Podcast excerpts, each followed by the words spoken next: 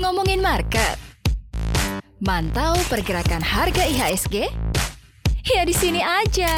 Direkap, rekap saham.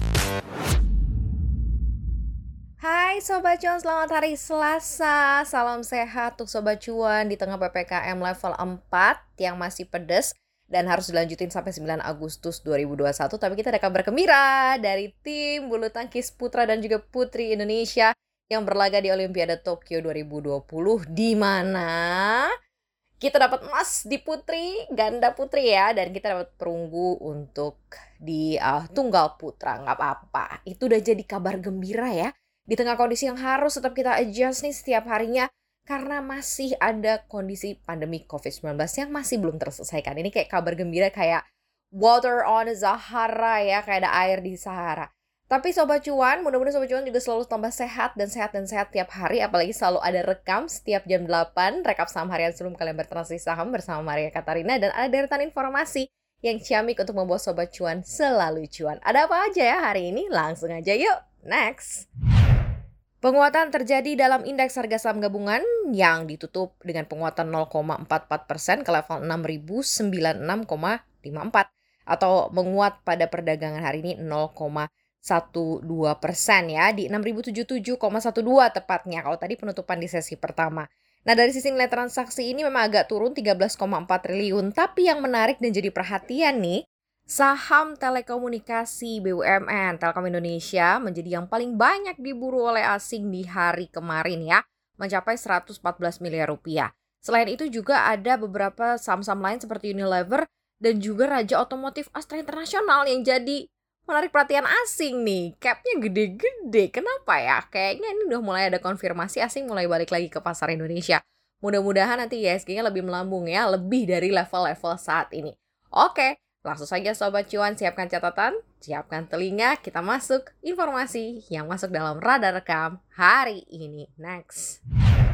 Masa PPKM darurat ini disebut oleh Direktur Utama PT Era Jaya Swasembada, Hasan Allah membuat sektor usaha retail harus tutup kegiatannya sehingga berdampak pada anjloknya penjualan. Namun demikian sektor online baik penjualan maupun layanan servis masih menjadi tumpuan sektor retail di masa pembatasan aktivitas. Nah, jadi kurang lebih era ini menitik beratkan kepada penjualan online dan ternyata ini lumayan disambut baik nih oleh para peritel di Indonesia. Hal ini terbukti dari peningkatan harga saham era yang kemarin terapresiasi 2,27 persen dan ternyata sudah meningkat 53,41 persen sepanjang tahun ini. Nah, kira-kira Sobat Cuan cukup tertarik atau tidak ya melirik era jasa sembada? Kita balikin lagi ke Sobat Cuan. Kita ke info selanjutnya. Next. Bursa Efek Indonesia mencatat penggalangan dana emiten melalui penambahan modal dengan memberikan hak memesan efek terlebih dahulu atau right issue naik signifikan sepanjang tahun ini. Dan jika dibandingkan dengan 2020 terjadi kenaikan hingga 302% secara tahunan. Direktur Penilaian Perusahaan BI Gede Nyoman Yetna mengatakan bahwa right issue ini banyak dilakukan oleh sektor perbankan sejalan dengan kebutuhannya untuk meningkatkan modal dasar dalam rangka memenuhi aturan otoritas jasa keuangan. Dia juga menyebutkan 62% dari total right issue di periode Juli 2021 berasal dari sektor perbankan. Selain itu, untuk pemenuhan aturan tersebut, pendorong tingginya nilai right issue tahun ini adalah untuk pemenuhan modal kerja emiten membiayai kembali refinancing dan juga rencana ekspansi usaha. Sampai akhir tahun nanti nih, menurut Nyoman masih ada 42 emiten lagi yang akan melaksanakan aksi korporasi yang sama dan telah mendaftarkan rencananya ke Bursa Efek Indonesia. Untuk diketahui rencana right issue paling terdekat dan jumbo adalah Bank Rakyat Indonesia yang berpotensi meraup dana segar hingga 40 triliun rupiah dari right issue sehingga holding ultramikro ini dinilai memiliki modal yang besar untuk melakukan ekspansi dalam meningkatkan pembiayaan dan pemberdayaan ekosistem usaha mikro dan ultra mikro nasional. BRI gengs, apakah sudah dilirik-lirik nih harga-harga sahamnya cukup menarik tidak? Kita atur lagi nanti, kita serahin ke Sobat Cuan. Kita ke info selanjutnya yuk, next! North Star Group, grup bisnis milik Patrick Sugito Waluyo dan Glenn Sugita, menjadi salah satu pemegang saham emiten kesehatan PT Bunda Medik Tbk BMHS Kepemilikan ini dilakukan melalui perusahaan investasi Acacia Investment Limited lewat konversi obligasi menjadi saham perusahaan. Berdasarkan prospektus penawaran umum saham perdana inisial public offering yang dirilis oleh perusahaan investasi ini dilakukan dalam bentuk obligasi wajib konversi dengan nilai total obligasi mencapai 301 miliar rupiah dengan aksi konversi atau opsi konversi sebesar 421 ribu saham senilai 143,28 miliar rupiah. Seperti kita tahu ya, Bunda Medi kan baru mencatatkan sahamnya di Bursa Efek Indonesia 6 Juli lalu dan perusahaan ini melepas 682 juta atau sebanyak 7,93 persen dari modal ditempatkan dan disetor setelah IPO dengan harga penawaran sebesar Rp340 per saham. Dan dana dari hasil IPO ini akan digunakan perseroan untuk membeli kembali sisa pokok obligasi perseroan setelah pelaksanaan konversi obligasi dan untuk modal kerja antara lain untuk pembelian obat dan alat-alat medis.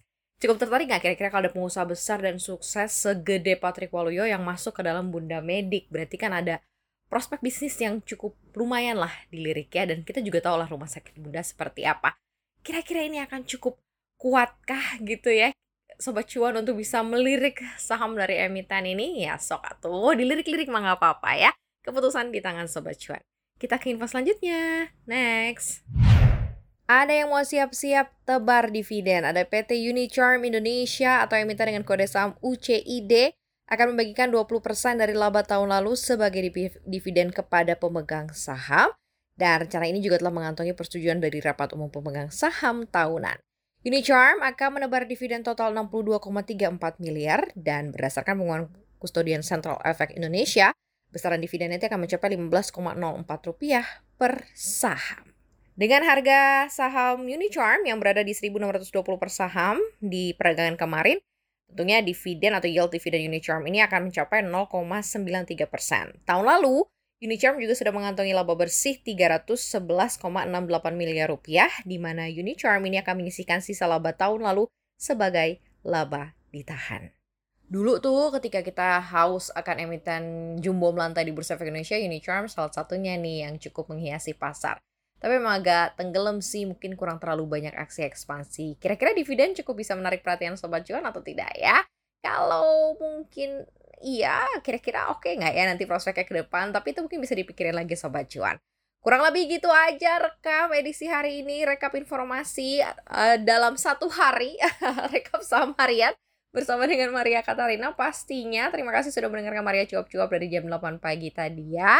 Pertama, jangan lupa follow kita di Instagram @cuap underscore cuan dan YouTube channel kita di cuap cuap cuan. Dengerin kita terus di Spotify, Apple Podcast, dan juga Google Podcast pastinya.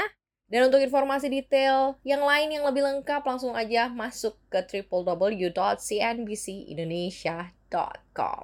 Thank you ya Sobat Cuan selamat beraktivitas hari ini. Tetap semangat walaupun PPKM masih harus terus dilanjutkan. Sobat Cuannya jangan pernah berhenti putus asa dan tetap semangat. Oke, okay. Ingat pesan Maria ya setiap hari ya. Tetap optimis, tetap positif, selalu berdoa terhadap Tuhan Yang Maha Esa. Dan yang pasti jangan lupa sarapan. I love you all. Kita ketemu besok. Bye.